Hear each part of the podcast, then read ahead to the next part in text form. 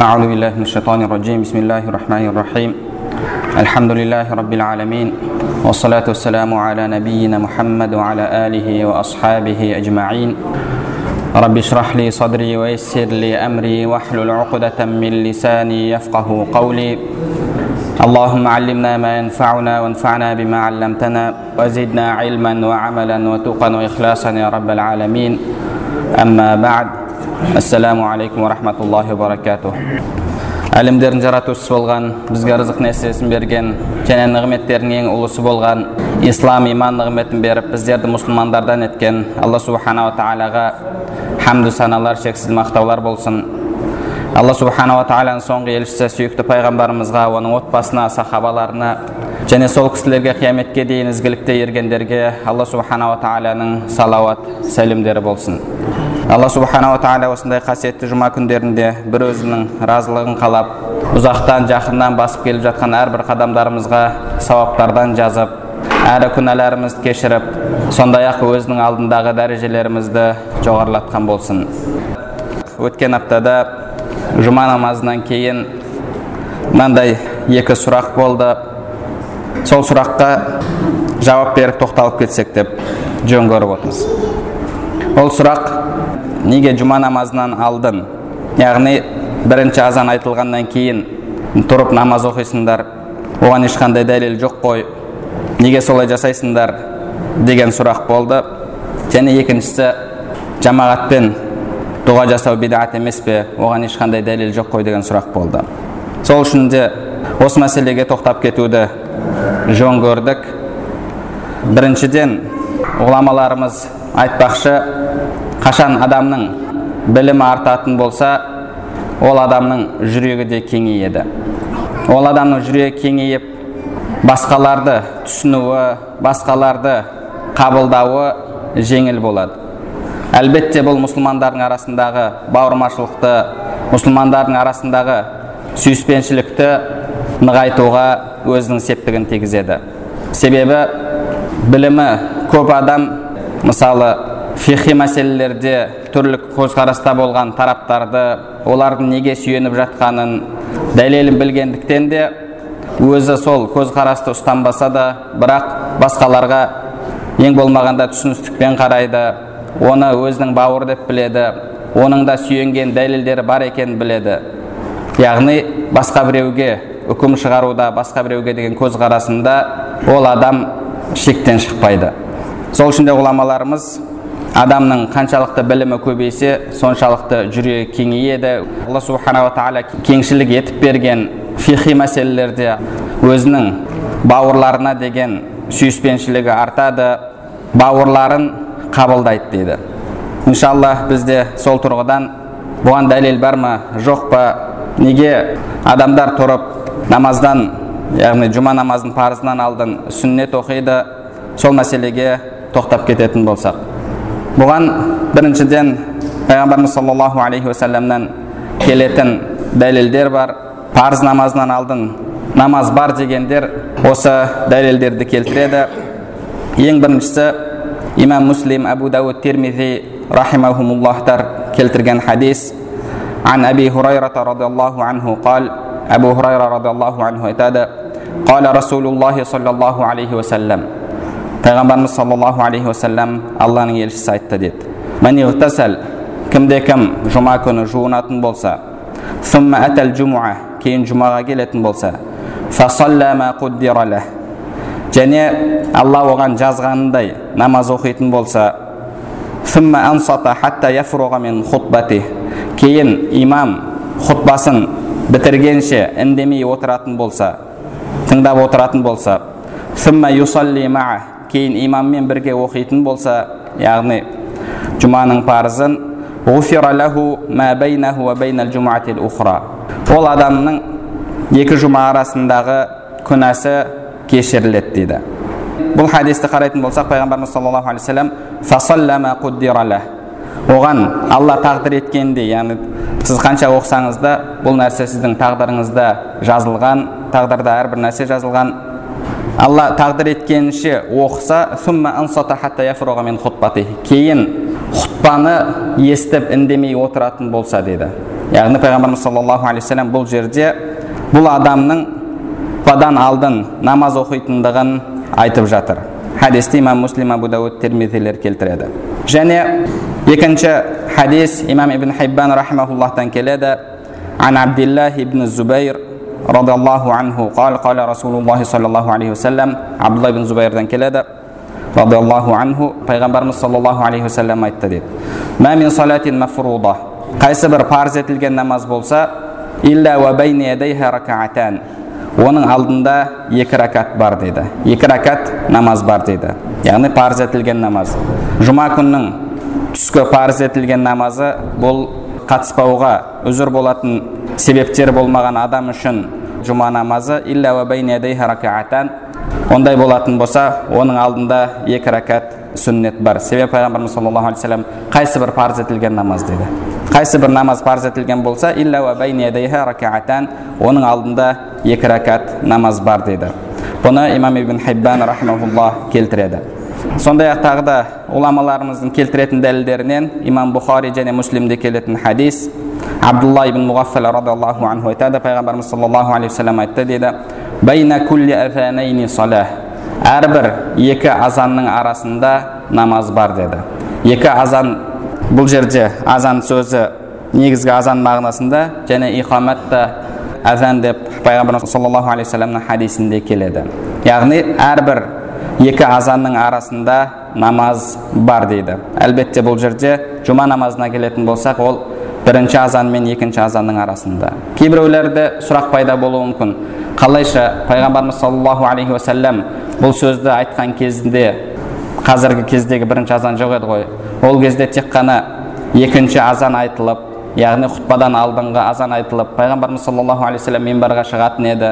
Сонымен құтпасын айтып түсіп парызды оқитын еді ғой. Бұл бұған кірмейді ғой деген секілді адамда сұрақ болуы мүмкін. Бәрімізге мәлім нәрсе қазіргі күндегі бірінші азан жұманың азаны осман радиаллаху анхудың кезінде бекітілген. Сол кісінің ижтихадымен сол кісінің шешімімен бекітілген және ешқандай сахабалар бұл кісіге қарсы шыққан жоқ. Яғни бұл ижма сахаба. Сахабалардың келіскен мәселесі болып бекітілді және сондай ақ пайғамбарымыз саллаллаху алейхи уассалам алейкум би суннати уа рашидин ал мин баъди менің және менен кейін келетін әділетті халифалардың сүннетімен жүріңдер абду алейха бин науажид азу тістеріңмен оған жабысыңдар деді бұл бізге осман радиаллаху анхудың сол әділетті халифаның бізге қалдырған сүннеті егер бұл сүннет болып пайғамбарымыз саллаллаху алейхи вассалам өзі айтқандай бекітілсе халифаның сүннеті болып бекітілген болса және оны сахабалар қабылдады ижма пайда болды ондай болатын болса бұл бірінші азан болып бекітілді яғни мына хадис осы азаннан кейінгі намазға да жүреді келесі хадис ан ибн аббас анхума қал ибн аббас радиаллаху айтады كان رسول الله صلى الله عليه وسلم يركع قبل الجمعة أربعا وبعدها أربعا لا يفصل بينهن пайғамбарымыз саллаллаху алейхи уассалам жұмадан алдын және жұмадан кейін төрт рәкат намаз оқитын арасын бөлмейтін дейді хадисті ахражаху табарани имам табарани рахмаулла келтіреді әл имам әл манауи файдул қадир кітабында варада мин тариқин мақбул яғни қабыл етуге жарайтын жолмен келген дейді. Имам қурафи иснадуху жайид иснады жаман емес дейді. Бұл хадистерде қарайтын болсақ пайғамбарымыз саллаллаху алейхи уассалам әрбір азаннан кейін намаздың барлығы және пайғамбарымыз саллаллаху алейхи уассаламның өзінің де жұмадан алдын төрт рәкат намаз оқығандығы келеді. Әлбетте бұл жерде ол нәпіл ретінде оқылды ма сүннет ретінде оқылды ма бұл екінші мәселе бірақ пайғамбарымыз саллаллаху алейхи уассаламның намаз оқығанын біз осы хадистерден білеміз келесі хадис имам абдураззақ рахмауллах өзінің мұсаннаф атты кітабында келтіреді كان عبد الله بن مسعود رضي الله عنه يأمرنا أن نصلي قبل الجمعة وبعدها أربعة енді сахабалардың ісіне келетін болсақ абдулла ибн масуд радиаллаху анху бізге жұмадан алдын және жұмадан кейін төрт рәкат намаз оқуға бұйыратын еді дейді әлбетте ол кісі бұны өзінің ойынан алып өзінше намаз бекітіп басқаларға бұйырмайды кімде кім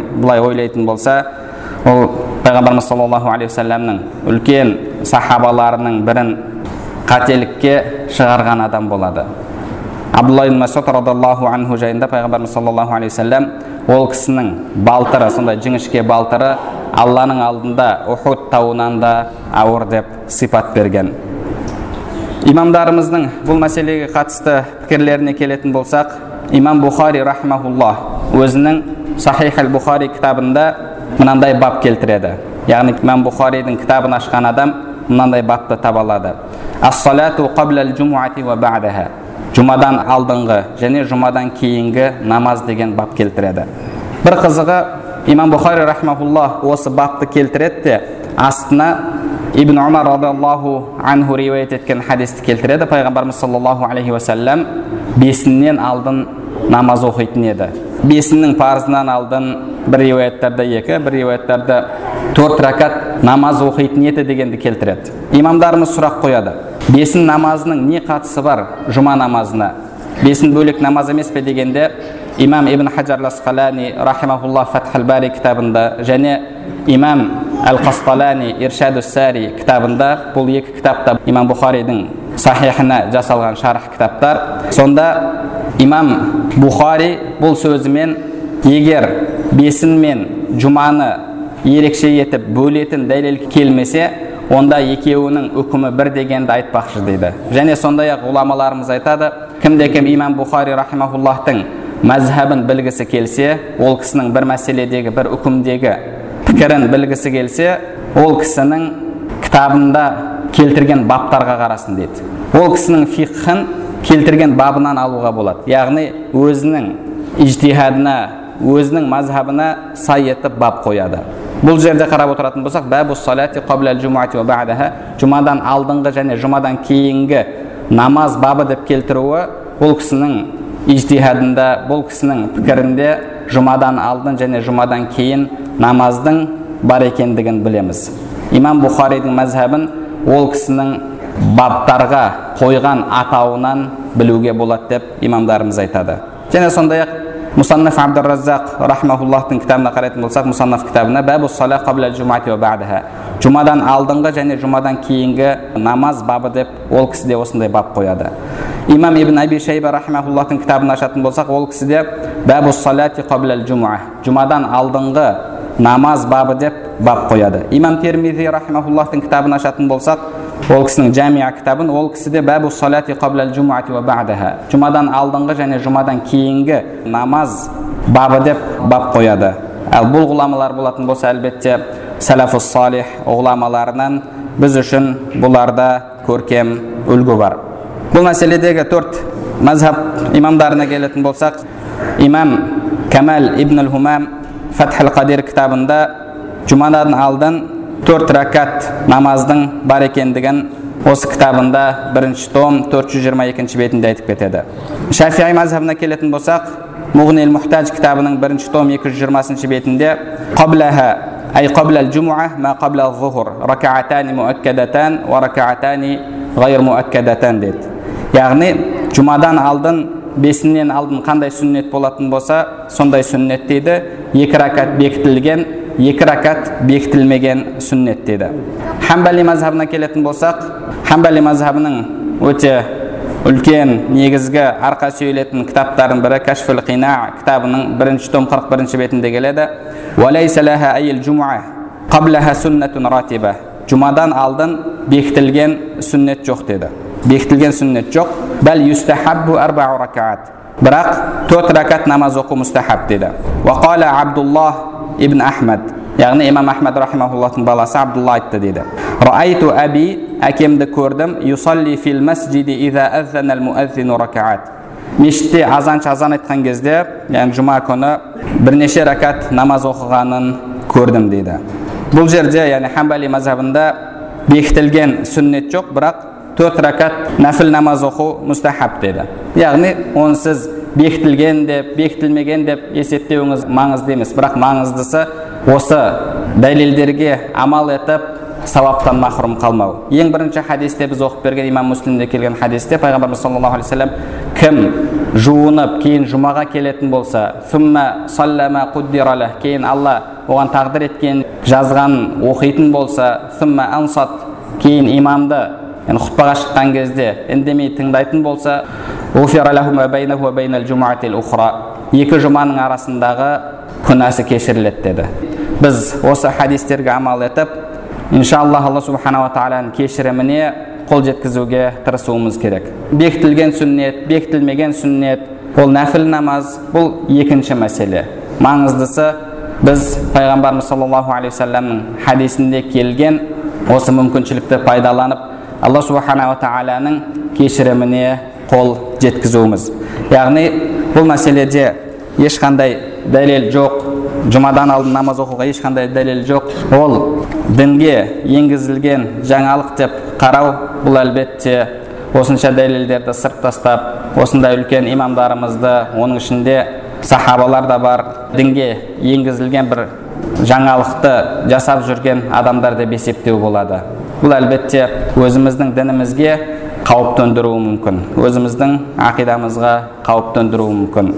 Жоқ деп бұнымен келіспеген күнде де ең болмағанда соны оқып жатқан бауырларымызға түсіністікпен қарап бұлардың да еретін имамдары бар бұлардың да дәлелдері бар деп арамыздағы сүйіспеншілікті нығайтып бір бірімізге махаббатпен жылулықпен қарайтын болсақ бұл мұсылмандардың арасындағы махаббат мұсылмандардың арасындағы сүйіспеншілік мұсылмандардың арасындағы бауырмалдық бұның өзі алла субханала тағаладан бізге міндет етілген нәрсе. Ихва иман келтіргендер бір біріне бауыр дейді. Имамдарымыз фихи ихтиляфи мәселелерде бір біріне сондай кең көзқараста болған және араларындағы келіспейтін мәселелері бір бірін жек көруге бір бірін адасуға шығаруға алып бармаған. Алла нәсіп етсе оны алдағы жұмаларда алдыңғы имамдарымыз бір біріне қандай мәміледе болған қандай сүйіспеншілікте қандай бауырмалдықта болған иншалла оған да тоқталып кетерміз. Және екінші өткен аптада қойылған сұрақ намаздан кейінгі дұға және соның ішінде жамағатпен дұға жасау мәселесі. Осыған иншалла қысқаша тоқталып кетсек бұл да әлбетте өте кең тақырып. Біріншіден жалпы намаздан кейін дұға жасау дінімізде бар ма жоқ па? Алла субханала тағала құран кәрімде инширах сүресінде фарағта яғни бір нәрсені жасап содан босану намаздан босайтын болсаң онда тырыс яғни раббыңа дұға жаса дейді. Осыны имам табаридан да имам құртубидан да имам ибн кәсирден барлығынан қарайтын болсақ барлығы мына риуаяттарды келтіреді. Ибн аббас радиаллаху анхума пайғамбарымыз саллаллаху алейхи вассалам өзі аллахым кәләміңнің тәфсирін үйрет деп дұға жасаған сахаба осы кісі айтады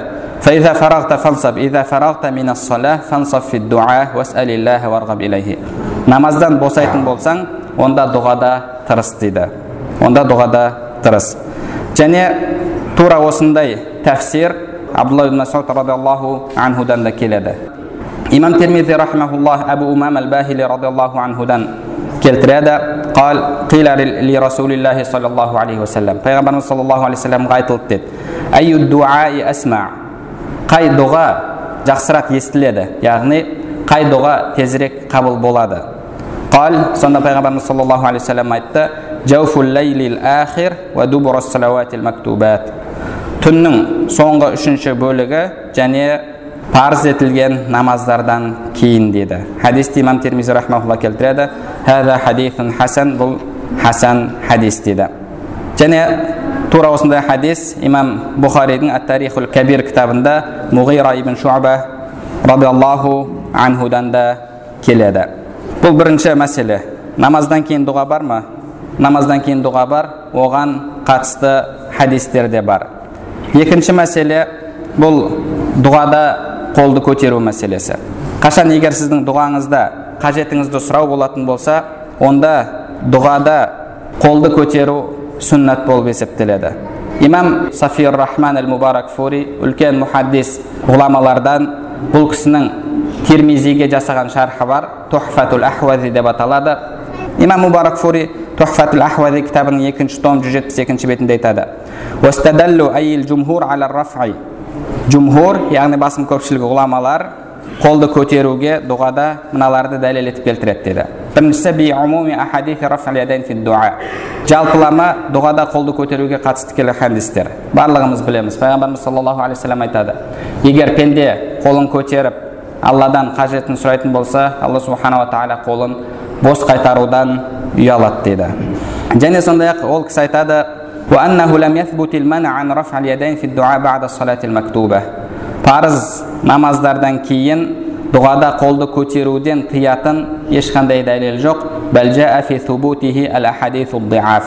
керісінше қолды көтеру жайында әлсіз болса да хадистер келген деді және сондай ақ біз бағана айтып кеттік имам бұхари рахмаулла өзінің мазхабын білдіруде бап қояды дедік имам бұхари рахмауллахта бап келеді бәб дұғаларда қолды көтеру бабы деген бап келеді ол кісі дұға кітабында дұғаның әдептеріне қатысты келген кезде дұғада қолды көтеру бабы дейді және артына келтіретін хадисі истисқада хадис тура бағанағы жұма намазында жұма намазына дәлел келтірген кезде бесінді келтіргенде жалпы дұғада қол көтеруге истисқадағы хадисті келтіреді бұхариде келетін хадис барлығымыз білеміз бір кісі келіп я расулаллах мал жан құрып бара жатыр құрғап бара жатырмыз деген кезде пайғамбарымыз саллаллаху алейхи уассалам қолын көтерді және сахабалар қолын көтеріп дұға жасады деп келеді. Кейін келесі апта тағы да келеді я расулаллах суға батып бара жатырмыз деген кезде алла жан жаққа төңіректерге суды жібер бізге емес деп дұға жасады деді имам бұхари рахмауллах осы хадисті жалпы дұғада қол көтеруге дәлел етіп келтіреді. Яғни бұл имам бұхари рахимауллахтың мазхабы болып есептеледі. Және сондай ақ қолды көтеруге дұғада тағы да басқа да хадистер бар. Мысалы муслимде келетін хадис пайғамбарымыз саллаллаху алейхи уассалам бір кісі жайында айтады. Ұзақ сапарларда жүреді. Әшат ағбар үсті басы шаң. Қолын аспанға көтеріп я раб я раб деп дұға жасайды деді. Яғни бұл жерде оның дұға жасаған кезде қолын көтеретіндігін айтып жатыр. Бірақ жегені харам ішкені харам кигені харам оның дұғасы қайдан қабыл болсын дейді. Яғни бұл хадисте де пайғамбарымыз саллаллаху алейхи уассалам дұғада қол көтерілетіндігін айтып жатыр. Ғұламаларымыз сол үшін де сіздің айтып жатқаныңыздың ішінде қажет сұрау болатын болса онда қолды көтеру сүннет дейді. Қолды көтеру сүннет. Ал егер ішінде қажетті сұрау болмайтын болса жай ғана күнделікті таңғы кешкі зікірлер болатын болса тәсбихтер болатын болса ол кезде қол көтерілмейді. Және соңғы мәселе бұл бір адамның дұға жасауы және басқалардың оған әмин деуі бұған дәлел бар ма? Бірінші дәлел бұл пайғамбарымыз саллаллаху алейхи вассаламның өзінен келеді пайғамбарымыз саллаллаху алейхи вассалам бірде минбарға көтеріліп бара жатқан кезде үш рет әмин деді сонда кейін пайғамбарымыз саллаллаху осы жайында хабар берген кезде жібрил келіп маған мынаны мынаны мынаны айтты мен сонда әрқайсысында әр айтып тұрған кезде әмин әмин деп айттым дейді яғни жібрил алейхисалам дұға жасап жатыр пайғамбарымыз саллаллаху алейхи вассалам соған әмин деп тұрды және намазда да деп біз дұға жасаймыз. Бұның ішінде дұға бар. Сол кезде әмин деп әмин сөзінің мағынасы аллахума стажиб ей аллахым қабыл ет деген. Қарап отыратын болсақ намаздың ішінде де біз имам дұға жасаған кезде артынан әмин деп қосыламыз. Және пайғамбарымыз саллаллаху алейхи уассаламнан келетін хадис барлығымыз білеміз. Яхудилердің сендерге хасад жасаған ең көре алмаған мәселесі бұл сәлем беру ассаламу алейкум деп бір бірімізге сәлем беруіміз бұл тахияту әхлил жанна жәннат иелерінің сәлемі және уәттәмин екіншісі әминдеу дейді яғни бұл намаздағы әминдеу дұғадағы әминдеу бұл жерде көрсетілмеген егер көрсетілмесе онда кең мағынасында оны алуға болады және екіншісі ибн мардауай келеді расулуллахи саллаллаху алейхи уассалам пайғамбар айтты дейді маған әмин берілді дейді. Намазда және дұғада. Ләм ахадун қабли алдын ешкімге берілген емес. Илля якуна муса тек қана мусаға ғана берілген. Кәна муса ядау ва харуну юаммин муса алейхисалам дұға жасайтын еді. Харун соған әмин деп тұратын еді деді. Фахтиму дуа би амин лакум дұғаларыңды әминмен бітіріңдер алла субханала тағала қабыл етеді деді. Яғни бұны құраннан көрсек болады. Құранда алла субханала тағала айтады. Құранда алла субханала тағала وقال موسى موسى айтты дейді ربنا إنك آتيت فرعون وملأه زينة وأموالا في الحياة الدنيا ей раббым сен фирауынға мал мүлік бердің лиудиллу ан сабилик сенің жолыңнан ол адастырып жатыр ربنا اطمس على أموالهم واشدد على قلوبهم мұса алейхисалам дұға жасап жатыр итмис аля амуалихим мал мүліктерін жоқ ет уашдуд аля кулубихим яғни жүректерін қыта жүректерін мөр бас Олар сенің ауыр азабыңды көрмейінше иман келтірмейді деді муса алейхисалам дұға жасап жатыр. Жақсылап қараңыздар. уақала муса деді арабша білетіндер біледі муса айтты деді муса яғни дұға жасап жатыр. Алла субханала тағала ары қарай айтып жатыр. қала алла айтты дейді екеуіңнің дұғаң қабыл етілді деді екеуіңнің дұғаң қабыл етілді. Бірінші аятта муса айтты деп тұр. Мына жерде екеуіңнің дұғаң қабыл етілді деп тұр. Қалайша? Мұса алейхисалам дұға жасады ғой бұл жерде харун жасаған жоқ дұғаны кез келген тәфсирді ашып қарайтын болсақ ішінде мына риуаятты келтіреді пайғамбарымыз саллаллаху алейhi хадисін келтіреді мұса алейхисалам дұға жасады харун алейхисалам соған әмин деп қосылып тұрды дейді сол үшін де алла субханала тағала екеуіңнің дұғаң қабыл етілді деді бірақ дұғаны жасаған кім муса алейхисалам бізде усул фихта ереже бар алдыңғылардың шариғаты. Бізге шариғат егер біздің шариғатымыз оны мансухтап жоққа шығарып келмесе яғни мынау болмайды деп біздің шариғатымызда үкімі жойылмаса онда ол біздің шариғатымыз болып есептеледі. Бұл әлбетте қарап отыратын болсақ муса алейхисалам мен харун алейхисаламдардың да сүннеті. Сол үшін де имам дайлами ан ибн аббас радиаллаху анхума марфуан. Ибн аббас радиаллаху анхумадан келеді дұға жасаушы және соған әмин деп қосылып тұрушы дұғада серік деді. Екеуі бірге дұға жасап жатқандай. Сол үшін де алла субханала тағала уджиба екеуіңнің дұғаң қабыл етілді деді. Тек қана мусаға уджиба дауатук сенің дұғаң қабыл етілді деген жоқ екеуіңнің дұғаң қабыл етілді деді. Неге? Себебі муса алейхисалам дұға жасаған кезде харун алейхисалам соған әмин деп қосылып тұрды. Әмин деген сөз аллахым қабыл ет деп. Яғни бір адам дұға жасап жатса сіз алла осының дұғасын қабыл ет деп сіз де дұға жасап тұрасыз. Сол адамға дұға жасайсыз. Және сондай ақ пайғамбарымыз саллаллаху алейhi келеді муажам табараниден пайғамбарымыздың сахабалардан келеді. Хабиб ибн маслам әл фихри сахаба жайшке әскерге әмір болған кезде дұшпандармен кездескен кезде адамдарға айтты дейді самиату расулаллахи саллаллаху алейхи уассалам пайғамбар саллаллаху былай деген естідім дейді يقول لا يجتمع ملأ فيدع بعضهم ويؤمن سائرهم إلا أجابهم الله қайсы бір қауым жиналып дұға ететін болса басқалары оған әмин деп тұратын болса алла субханала тағала олардың дұғасын қабыл етеді дейді бұны имам табарани рахмаулла әл муаджам кітабында келтіреді мәжмау зауаид фауаид кітабында рауаху табарани ва риджалуху сахих имам табарани риуаят етті және жеткізуші кісілер сахих кітаптардың кісілері ғайра ибн лахия ибн лахиядан басқасы дейді хасанул хадис оның деңгейі сәл төмендеу оның хадистері хасан және мәжмау зауаид манбаул фауаид кітабында тағы да келеді бұны имам табарани рахмауллах және имам хакимдер келтіреді имам хаким хадисун сахихун аля шарти муслим муслимнің шартына сай сахих болып есептеледі дейді имам захаби де бұған келіседі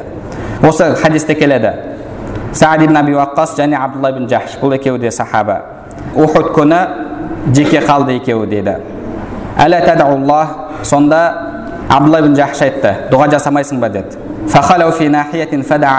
сонда екеуі жеке қалып саад дұға жасады я раб ей раббым дұшпанмен кездесетін болсам маған сондай күшті адамды жолықтыр шадидан харду ол мені өлдірмекші болады. Мен онымен алла жолында сен үшін соғысамын.